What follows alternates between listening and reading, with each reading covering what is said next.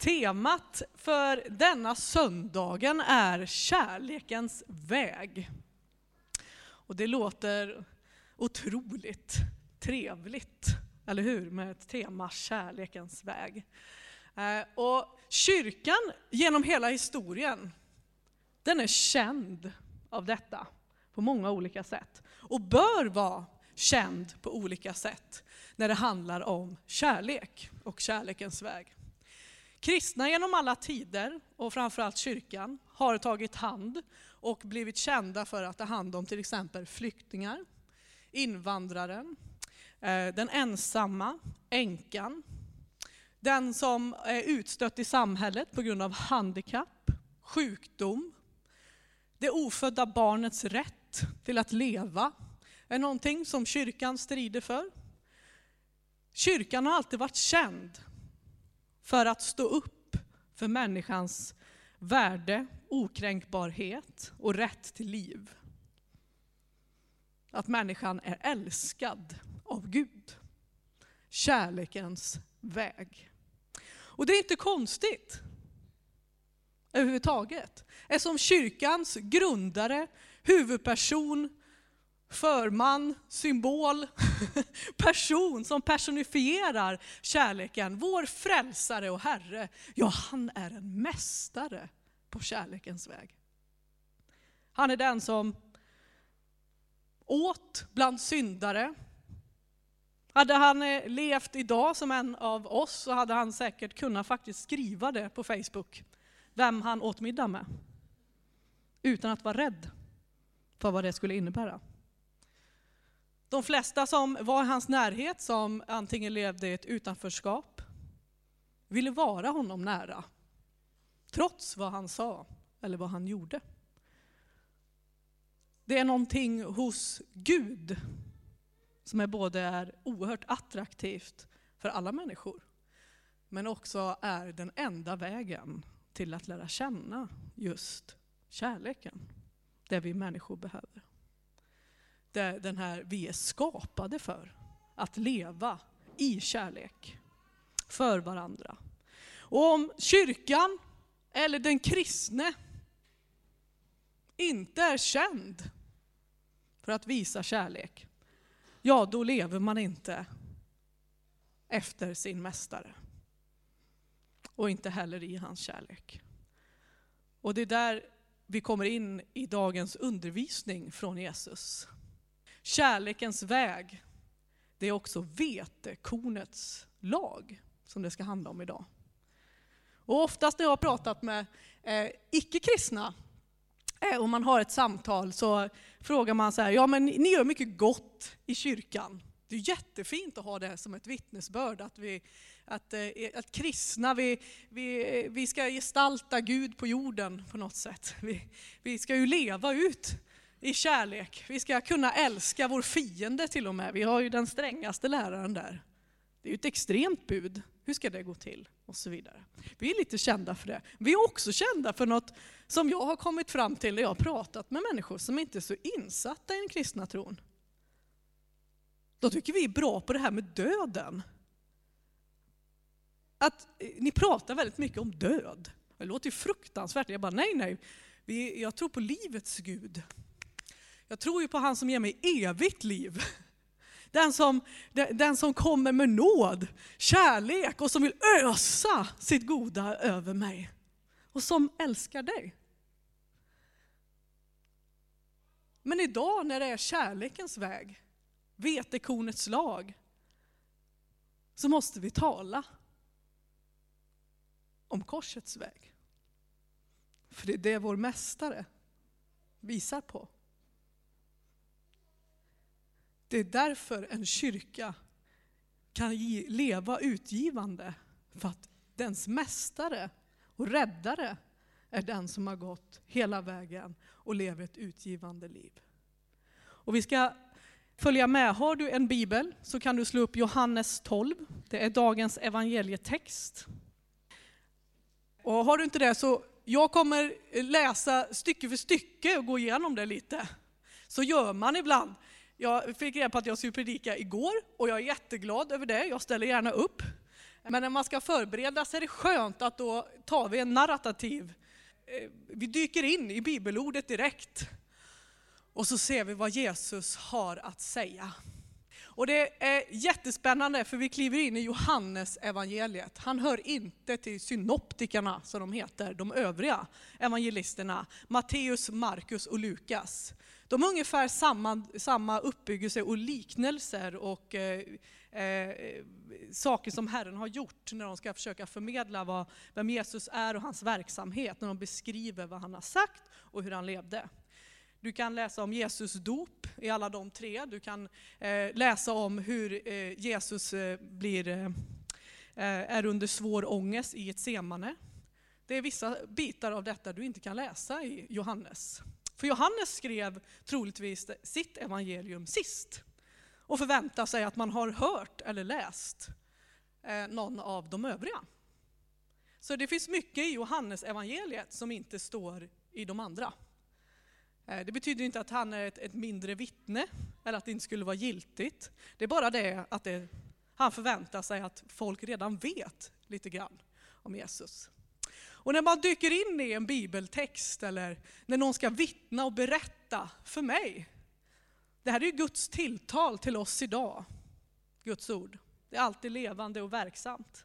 För ditt liv, för mitt liv. Så kan det också vara bra att tänka på det, syftet och genren. Vad är det jag kommer in i? När jag nu ska få höra om Jesus, eller vad Jesus säger om eh, eh, det han vill förmedla idag. Jo, Johannes han, han då skriver om, om Jesus och han skriver till och med syftet om varför han har skrivit sitt evangelium. Och det kan ju vara bra att ha med sig när man läser någonting. Att, eh, att veta. Han skriver det, och rubriken här är slutord och det är från eh, Johannes 20. 30. Och många tecken som inte har tagits med i denna bok gjorde Jesus i sina lärjungars åsyn. Men dessa upptecknas för att ni skall tro att Jesus är Messias, Guds son, och för att ni genom att tro ska ha liv i hans namn. Alltså han har tecknat upp massor, sen fortsätter han senare som avslutning. Det är den lärjungen som vittnar om allt detta, alltså han själv. Och jag har skrivit ner det. Och vi vet att hans vittnesbörd är sant. Jesus gjorde också mycket annat. Och om var sak skulle skildras för sig tror jag inte att hela världen skulle rymma de böcker som då måste skrivas. Det här är lärjungen Johannes som berättar varför han har skrivit. Och han har skrivit det till oss. Till dig. Han har skrivit det för varje människa som läser det ska få komma till tro på Jesus och få liv i hans namn. Så skriften idag, talet idag, ligger öppet för dig och mig. Att ta emot och få liv i hans namn. Hela syftet med Johannes är alltså att berätta vem Jesus var och att han har betydelse för ditt liv. Hans liv, hans undervisning, allt det han är, ska forma dig. Tänk att vi kan samlas här idag med det syftet. Att Guds ord ska forma oss. Att Gud själv sänder sin ande och sin vilja genom sitt ord. Och det är gjort så att du och jag kan sitta här idag och läsa exakt samma sak. Öppna upp våra hjärtan och få ta till oss vad Gud har att säga. Precis som för 2000 år sedan.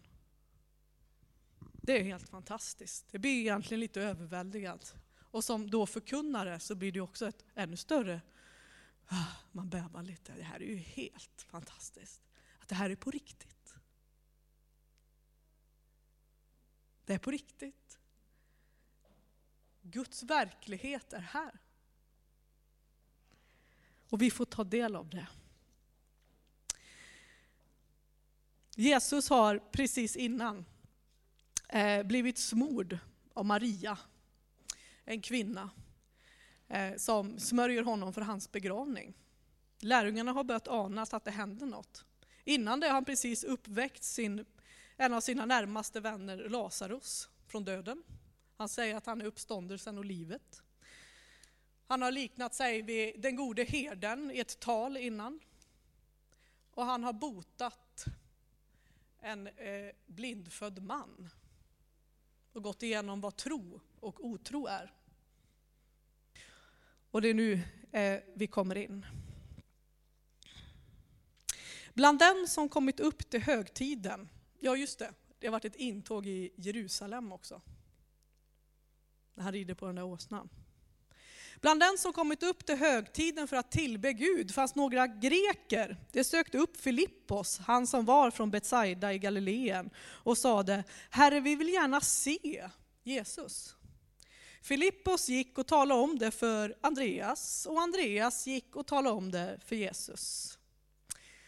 Här får vi veta att det är många vid högtiden, och det vet vi redan sedan innan. Men just att det är greker är rätt så intressant. Det innebär ju att Eh, det, var, det fanns judar och så fanns det greker. Greker blev liksom både att de var grekisktalande, men de kunde ha kommit från olika ställen. De kanske var proselyter, alltså att de har eh, eh, eh fått träda in och blivit tro på judendomen helt enkelt och börjat följa den och lever då i, i, vid templet och vid högtiderna. Eh, och varför de kanske går till Filippos är lite roligt, men det, han har ju ett grekiskt namn. betyder hästvän. Visste ni det? Det är ett fantastiskt namn. Eh, Filippos, det är ett grekiskt namn, så Filippos kan säkert grekiska. Men vi vet inte, det är bara en tanke kring det. Och att Andreas då också kanske kunde lite. För de övriga pratar arameiska. Eller eh, hebreiska. Ehm, de andra kunde ju säkert grekiska, mycket Johannes skrev ju på grekiska, men kanske är det så att grekerna tänkte att det är någon som kan grekiska så är det Filippos, för han har ett grekiskt namn. Så han går, och de har den här frågan, Herre, vi vill gärna se Jesus. Så inleds hela det här talet, undervisningen från Jesus sen. Herre, vi vill gärna se Jesus. Och se i, i både det, det, grekiska tänkandet och mycket av Johannes, när vi läste om den blindfödde, handlar om att eh, vi vill tro. Alltså den som är seende är den troende. Den blinde är den som inte tror. Eh, och att det är så eh, man också får tolka det hela. Att det finns några som vill möta honom, eller vi vill tro, och då kanske vi måste se. så att säga. Men se och att tro är samma sak. I många fall. Herre, vi vill gärna se Jesus. Och Jesus svarade dem. Stunden har kommit då Människosonen ska förhärligas. Stunden har kommit då Människosonen ska förhärligas. Så några vill möta Jesus, de vill se honom. Och svaret är, nu har stunden kommit. För att nu har även grekerna vänt sig till honom. Jesus kom ju för hela världens skull. Juden främst, men också greken. Som vi kan läsa om i de flesta breven i Nya Testamenten. Så när grekerna vände sig till Jesus, då är det precis som han säger, nu, har, nu är stunden kommer för att jag ska förhärligas förhärligas. I Gamla Testamentet så är härlighet, eller, eller Guds härlighet, är oftast en strålglans. Eh, när vi läser om Guds härlighet så har det med ljus att göra. Ja, men en, en strålning som gör att man, åh, man nästan inte ser eller man, kan, man slås till marken. Änglarna kunde ha Herrens härlighet över sig när de kom med ett budskap. Eller när Gud väl gjorde någonting, när templet uppfylldes av Guds härlighet, ja då var det inte många som stod upp längre. Man kände av att Herren är, är här. En härlighet som är utan denna världen. Han är morgonstjärnan, det är det, det är det stora. I Nya Testamentet för man över detta på att Guds härlighet och förhärligandet, det har att göra med vem Gud är. Både hans närvaro, men också hans alla egenskaper. Andens frukter, härlighetens ande ska komma över er. Och nu har Jesus är härlighetens Herre. Så nu har stunden kommit för att Jesus ska bli härlighetens Herre. Eller förhärliga Fadern. Visa på vem Gud är. Visa på Guds egenskaper. Visa på Guds vilja. Visa på Guds strålglans. Visa på Guds närhet och Guds väg. Nu har stunden kommit. Och sen så ger han dem en liknelse. Och det är få liknelser i Johannes. Men här kommer den. Sannerligen jag säger er, om vetekornet inte faller i jorden och dör, förblir det ett ensamt korn. Men om det dör ger det rik skörd. Här är början på den här vetekornens lag. Jesus har haft många liknelser och när han har liknelser så handlar det ofta om Guds rike, Guds verklighet, eh, den andliga, olika andliga principer eller lagar eller någonting som vi människor inte oftast tänker kring. Det är fantastiskt om du någon gång har hållit ett frö i din hand. Det är jättelitet. Jag gav min eh, mamma en sån här överraskningslök en gång. Jag visste inte vad jag köpte, jag köpte en lök. Eh, och så stod det bara så en överraskningslök, man fick bara plocka. Eh, och så skickade jag den till mamma som har trädgårdsland. Det var ju väldigt eh, spännande. Eh, får gräva ner den i mörkret och se vad som kommer upp. Jag visste inte, hon visste, ingen visste. Eh, det var, nu visade det sig att det var en jättefin blomma. Men det är det här som är så fantastiskt, att när du håller ett frö eller en lök, något så litet är programmerat, är genialisk, helt genialiskt, att det lilla blir något helt annat om man gräver ner det i mörkret. Eller om man låter det dö helt enkelt. Något så litet kan bära någonting så stort. Av ett frö. Tänk på det nästa gång du planterar din tomat. Eller vad det är. Att det började i något litet som behövde komma under jord. Gå under. För att sedan ge skörd. Vi måste alltså så för att få skörd. Vetekornets lag, där började Någonting litet, något som ser inte mycket ut för världen. Det behöver också få gå under för att få uppstå. Och Det här är en princip som är svårt för oss som har ett, eh, också ett evolutionärt tänkande. Du och jag har det, orsak och verkan. Vi är inte eh, dumma på det sättet. Vi tänker ju oftast utifrån eh, handling, konsekvens, analys. Eller orsak och verkan.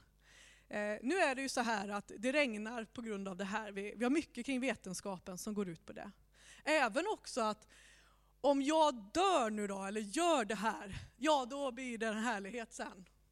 Eller hur? Vi tänker ju så. Vi tänker att om jag, om jag sår nu, ja då får jag skörda. Det är inte konstigt, det, det, det står mycket om det i Bibeln. Att, vi, att när jag ger, ja då blir jag välsignad tillbaka. Orsak och verkan. Att det skulle stegra sig på något sätt. Att nu har jag lidit, nu går jag in i härligheten och så stannar man där på något sätt. Att det blir bättre. Att det blir en stegring i livet. Att vi ska utvecklas. Är ni med hur jag tänker? Det är väldigt vanligt hos oss. Och mycket verkar ju så. Men i Guds rike så är verkligheten konstruerad på ett helt annat sätt. Det verkar så i alla fall. För lidandet och härligheten är inte två motsatser utan verkar jobba gemensamt, samtidigt med varandra. Och det är det här vetekornets lag också handlar om. Framgångsteologi handlar inte om det här. Eller utvecklingslära handlar inte om det här. Att nu, nu när jag är klar, när jag har gett det jag ska ge, så blir jag välsignad tillbaka. Ja, men det finns också någonting större och mer. Så vi fortsätter läser. Den som älskar sitt liv förlorar det, men den som här i världen hatar sitt liv, han ska rädda det till evigt liv. Jesus fortsätter den här vetekornens lag, först med den här liknelsen att man måste gå under. Och sen också använder han ett väldigt starkt ord, miseo på grekiska, som också kan hata eller eh, sätta sist eller eh, inte sätta först helt enkelt. Eh, Johannes, evangelisten, är känd för dualiteterna, alltså ljus, mörker, död, liv, hat, kärlek. Det, kan ni lä det lär ni er när ni läser evangelietexten. Och här kommer nästa grej med att på något sätt gå under.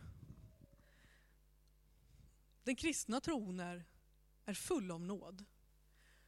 Vår mästare är mästare på kärlek. Han är den som öppnar upp vägen och som försöker förklara också någonting som att förhålla sig till på kärlekens väg. Kärlekens väg har, har utmaningar. Och att vi behöver också ha en självrannsakan när vi följer kärlekens väg. Hur är det möjligt då att bli, bli, bli känd så som Gud är för sin kärlek? Jo, genom att hata, nej, jo, här i världen ska man hata sitt liv. Vad kan han mena med det? Jo, han menar att om du låter det som är gott och kanske du tycker om här i världen, bli det du förankrar ditt hjärta i. Så går du miste om Mästaren. Så går du miste om planen. Så tappar du kärlekens väg. För då ställer du dig själv i centrum. Världens ande kan man också översätta rent till en självcentrerat liv eller en egoistens ande. En slags, eh, nästan en, en, en andemakt eller någonting som finns inbyggt i världens sätt. Och i världens sätt enligt Johannes, det är ju oftast i den ondes våld eller i den kötsliga naturen hos människan, att vilja vara sin egen eh, Gud god eller vara sig själv nog. Eh, så när Jesus talar om detta, att nu när du är i världen, för du är i världen. Vi lever med både det här tänkandet om orsak och verkan, men du och jag lever också, vi är insatta i att följa kärlekens väg i en värld som inte känner det. Som har andra principer. Som följer sitt eget val. Eh, eller sin egen självcentrering i allt. Man umgås med dem som är, man är bekväm med givetvis. Det gör vi väl alla. Vi skyddar oss själva istället för att hjälpa andra i första hand. Hela vårt samhälle är uppbyggt på det. Vi, vi jobbar ju så hela tiden. Världen, det vill säga det som inte känner Gud och följer hans vilja. Det är det man till slut behöver komma till sig själv och säga, nej jag vill inte ta del av det. Vi är i världen, men du ska inte vara av den. Det är ett sånt där klassiskt ord. Så att följa kärlekens väg eller gå under vetekornets lag, det är att jag, när jag väl har sett vad min mästare har gjort, så kan jag också säga nej till saker som vill fresta mig. Eller världens sätt att tänka och leva ska inte vara det som är min prioritering. Jag måste bli självransakad. Eller måste tänka efter, hur lever jag? Vem är det jag följer? Vad behöver jag döda hos mig själv? Vad behöver jag ta och lägga ner inför Herren och låta det gå under? Och se hans verk på nytt i mitt liv. Det är det Jesus säger i en del av detta denna vetekornets lag. Den som älskar sitt liv förlorar det. Och det innebär ju inte som en av mina vänner sa, ni bara pratar om död, det är så destruktivt i kyrkan. Det, det låter ju så, verkligen som det är just nu. Han hade rätt där, vadå, får man inte älska sitt liv? Jo! Men du ska älska det livet Herren har gett dig. Livets Gud. Det är det Jesus säger egentligen. Om ni höll er till mig, älskade mig och följde mig, ja då skulle ni förstå att jag är här för att rädda världen. Ge lösen, för världen är i en fångenskap. Det säger han lite senare, jag har kommit för att ge lösen. Hur kan en människa säga så om man inte menar att någonting är fel? Om det är ingen som behöver befrielse? Jo, världens ande, denna värld behöver bli befriad. Och han har kommit för att göra det. Och när han talar om det, ja då är det viktigt att hänga med. Men om vi börjar göra avkall på vad Gud har sagt över våra liv, eller det Gud talar, hans vilja.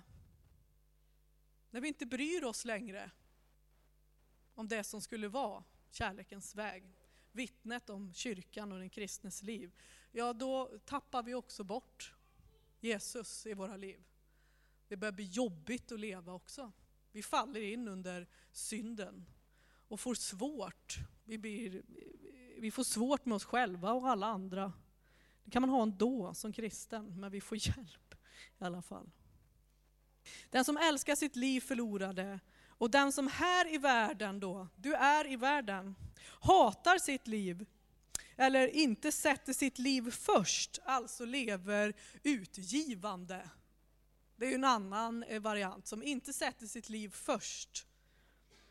Som det viktigaste. Han ska rädda det och få evigt liv. Det är alltså att man lever för någon annan. Den ska få leva för evigt med Gud. Och så fortsätter han en, ett steg till och då tar han det till sin person. Och det har han också gjort redan från början. Den som älskar, nu ska vi se, om någon vill tjäna mig skall han följa mig och där jag är kommer också min tjänare att vara. Om någon tjänar mig ska Fadern ära honom. Om någon vill tjäna mig, eller som frågan var i början, kan vi få se Herren? Om någon vill tjäna mig så ska han följa mig till att börja med. Så när vi får leva med honom som lever helt utgivande. Som öppnar en väg som ingen har gjort förr eller senare. Så säger han, man kan tjäna mig. Ja, ni kan få utföra verk med mig. Ni kan få vara mina medtjänare eller ära mig som son, som härlighetens herre. Men då måste ni följa mig. Det finns många människor som tror på Jesus på avstånd. Där han är en god filosof eller en lärare eller liknande. Men det Jesus säger här, det är om ni följer mig, ja då lever ni efter den lag i lydnad. Det vill säga kärlekens lag eller kärlekens väg som vi talar om idag. Det är en del av det, att våga dö bort från sig själv. Och om vi följer Jesus, ja då går vi hela vägen. Då går vi kärlekens väg. Han eh, eh, kom och gick. Han eh, visade människor, talade till dem, visade sin största kärlek genom att vadå? då? Genom att bli upphöjd, hängd på ett kors, död. Han gick under för att sedan kliva upp. Så i det kristna livet, när vi följer Jesus, ja då lär han oss att ta vårt kors som det så fint heter. Det säger han vid ett annat tillfälle, du måste ta ditt kors. Eller vetekornets lag, det hör till det. Ett form av lidande för den här världens skull. För lösen, för ditt liv, men för alla andra. För juden och för greken. Så att det tar sitt kors och börjar följa, ja då lever vi i kärlekens väg. Tillbaka till det här med orsak och verkan. I gamla förbundet så var det ju så att det fanns ett avtal. Ni vet, Gud sa, eh, jag håller mig till er, mitt folk, och ni, om ni gör det här. Och ni håller, mig, eh, håller er till mig. Och så bildar man en lag Eh, och så fanns ett avtal, om ni gör det så ska jag välsigna er med det här och ge de löftena och så vidare. Gud var löftesgivaren och den som ger till folket. Det var avtalet. Folket levde ju inte upp till sitt avtal. Det kan vi läsa om, hela Moseböckerna handlar ju om det här. Så Jesus har gått in i folkets ställe. Och i det nya förbundet så behöver inte människan nu hålla avtalet längre. För Jesus har gjort det. Alltså all välsignelse, alla löften och allting som behövs för att ha fullständig gemenskap med Gud eller vara eh, hans barn, eh, utvalda, höra till hans folk. Det är nu uppfyllt i Jesus Kristus. Så vi lever av ren nåd när vi följer honom. Allt är givet honom och nu ger han det till dig och mig. Det finns en väg till Fadern. Vi får ta del av hans härlighet genom hans son. Och där jag är kommer också min tjänare att vara. Är du där Jesus är? Följer du honom genom ditt liv? Lever du av hans bud? Är du glad över hans befallningar?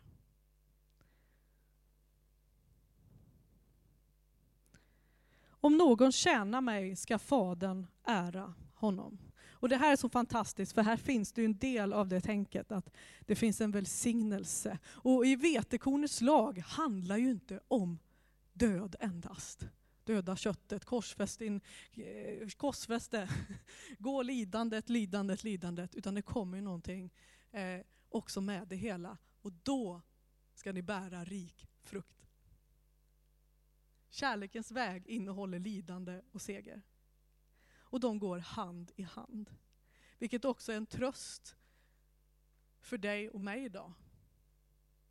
Att när vi har det svårt, att när vi är där, där nere på något sätt, eller när vi kämpar, när vi vill leva rätt men det händer inte eller det blir svårt så vet vi att Herren har tagit det stället. Jag kan gå till Jesus.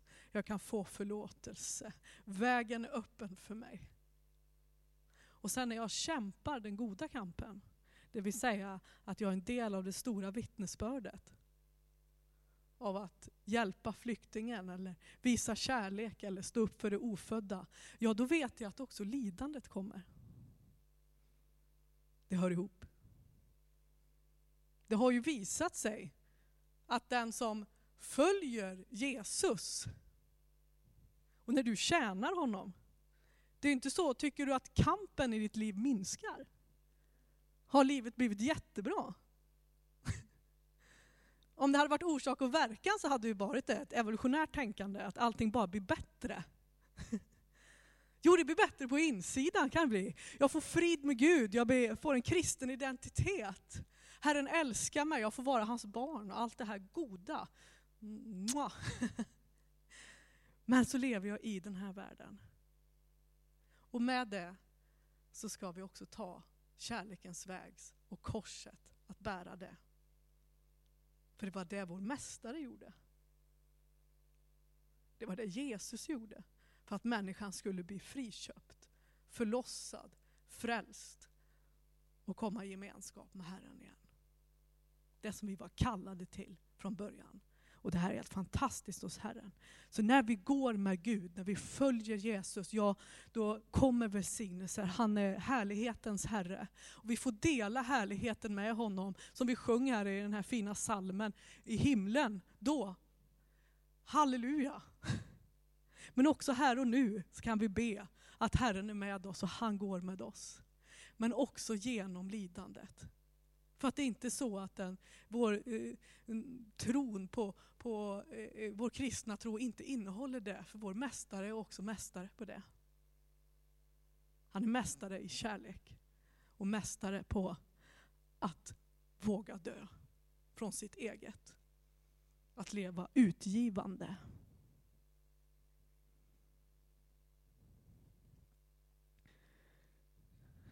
Johannes fortsätter den här lilla liknelsen sen med att, att, eh, att berätta om vad Jesus sen säger helt plötsligt. Nu är min själ fylld av oro. Ska jag be Fader rädda mig under denna stund? Alltså när vi är i lidande eller när det är nu han börjar inse, han börjar prata om sin död. Han börjar prata om att han ska lägga ner sitt liv för att rädda alla människor på jorden. Nej, säger han ju själv då. Det är just för denna stund jag har kommit. Fadern, förhärliga ditt namn. Då hördes en röst, och han egentligen han säger det, Fader förhärliga ditt namn, så ber han ju en bön, Fader bli synlig inför folket av vem du är. Dina egenskaper, din strålglans, allt vad du har tänkt. Hur mycket du älskar människorna. Den lilla meningen innehåller hur mycket som helst. Då hördes en röst från himlen. Folk hör. Jag har förhärligat det och ska förhärliga det på nytt. Folket som stod där och hörde detta sade att det var åskan. Men några sade att det var en ängel som hade talat till honom. Och det här var väldigt vanligt. Inom judendomen så eh, åska och änglar var, var ett tecken på, man trodde att änglar pratade som en åska ibland. Så vissa tror att det är en ängel, andra säger att det är åskan och andra menar sig vara Gud. Så när, alltid när Gud gör någonting då börjar vi ha debatter. Det är, ju, det är också ett bevis på det. När Herren väl talar till sitt folk eller när Herren visar sig på något sätt, då börjar vi diskutera. Vad var det vi hörde? Hur ska vi förstå det här? Och det har vi, det har vi rätt till, men det är, jag tycker det är lite roligt ibland när man läser. Eh, då, då säger Jesus, det var inte för min skull som rösten hördes, utan för er skull. Och att Johannes tar med det också för din, din skull idag. Att Fadern i himlen talade vid det tillfället och sa, jag ska förhärliga och har förhärligat dig. Ett extremt vittnesbörd över Guds verk Nu faller domen över denna världen. Nu ska denna världens härskare fördrivas.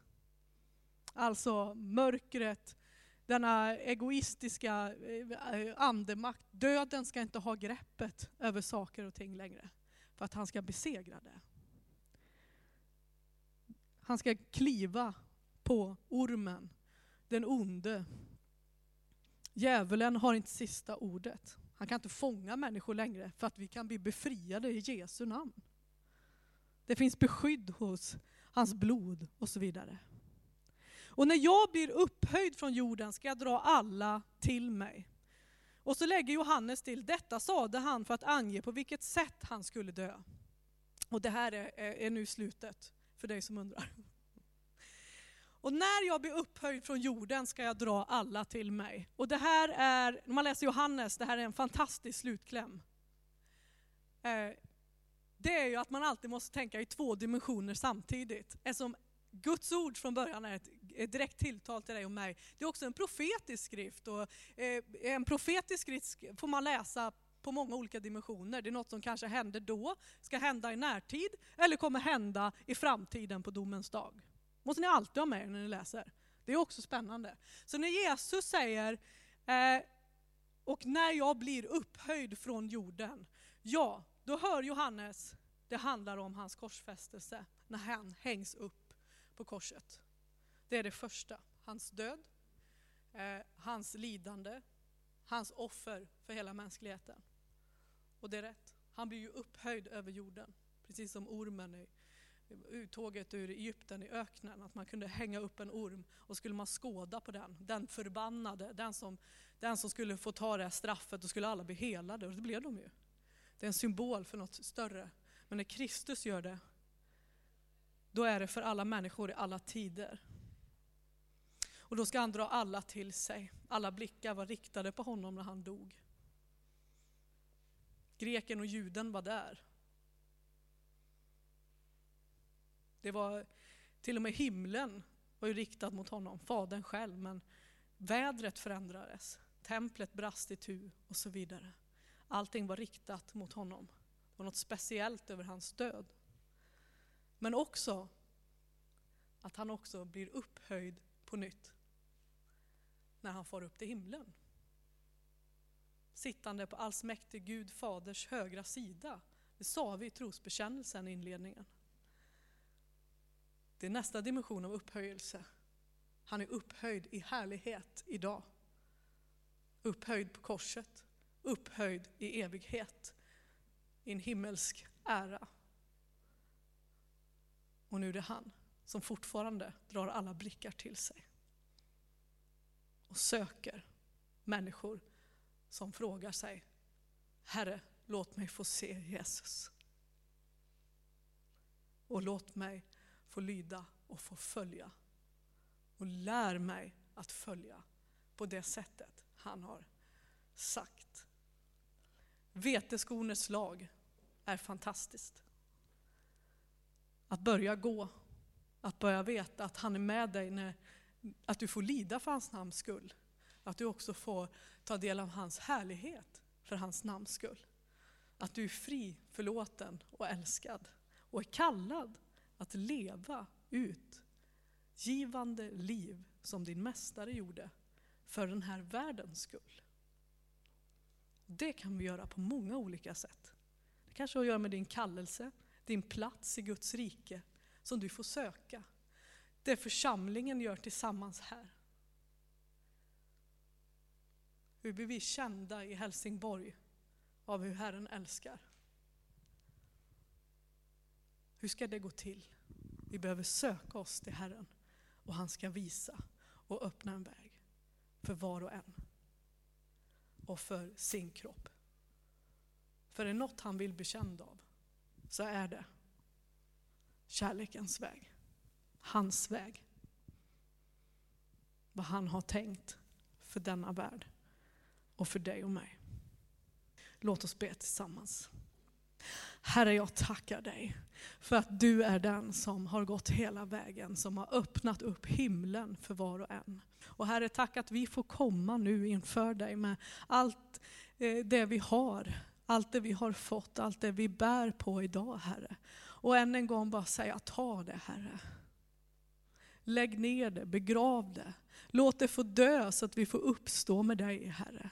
Så vi får leva av din härlighets ande. Och tack Jesus, tack Jesus för att du är mästaren. Att du är vår väg, vår sanning och livet. Och Herre, hjälp oss här i Helsingborg, i kyrkan här, att vara vittnen för denna världen om hur det är att leva med dig och visa den kärlek du har tänkt. Den kärlek som också förvandlar och ger evigt liv.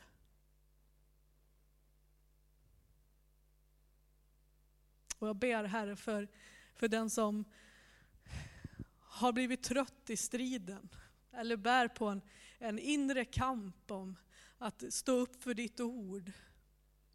Att kanske inte orkar mer eller tycker att korset har blivit för tungt, Herre. Då ber jag dig Herre om att du får komma med din heliga Ande, med förnyelse, med kraft och styrka och tröst som du är Herre. Att den människan idag får, får ge sig själv till, till din nåd och ta emot det på nytt. Tack Herre att det är du som bär, att det är du som leder och vill föra ditt folk fram. Berätt och förhärliga till din återkomst. Tack Jesus att vi får tillhöra dig. Och jag ber också för den som kanske inte avgjort sig för dig, eller sagt sitt ja, eller vågat slå följe. Att du Herre får uppenbara dig för den människan. Att du får tala till den Herre dina ord. Att du får visa på din väg och på din kärlek. Och tack Fader i himmelen för att du sände din son för att visa på vem du är. Kom och var oss nära och fyll oss med ditt liv på nytt.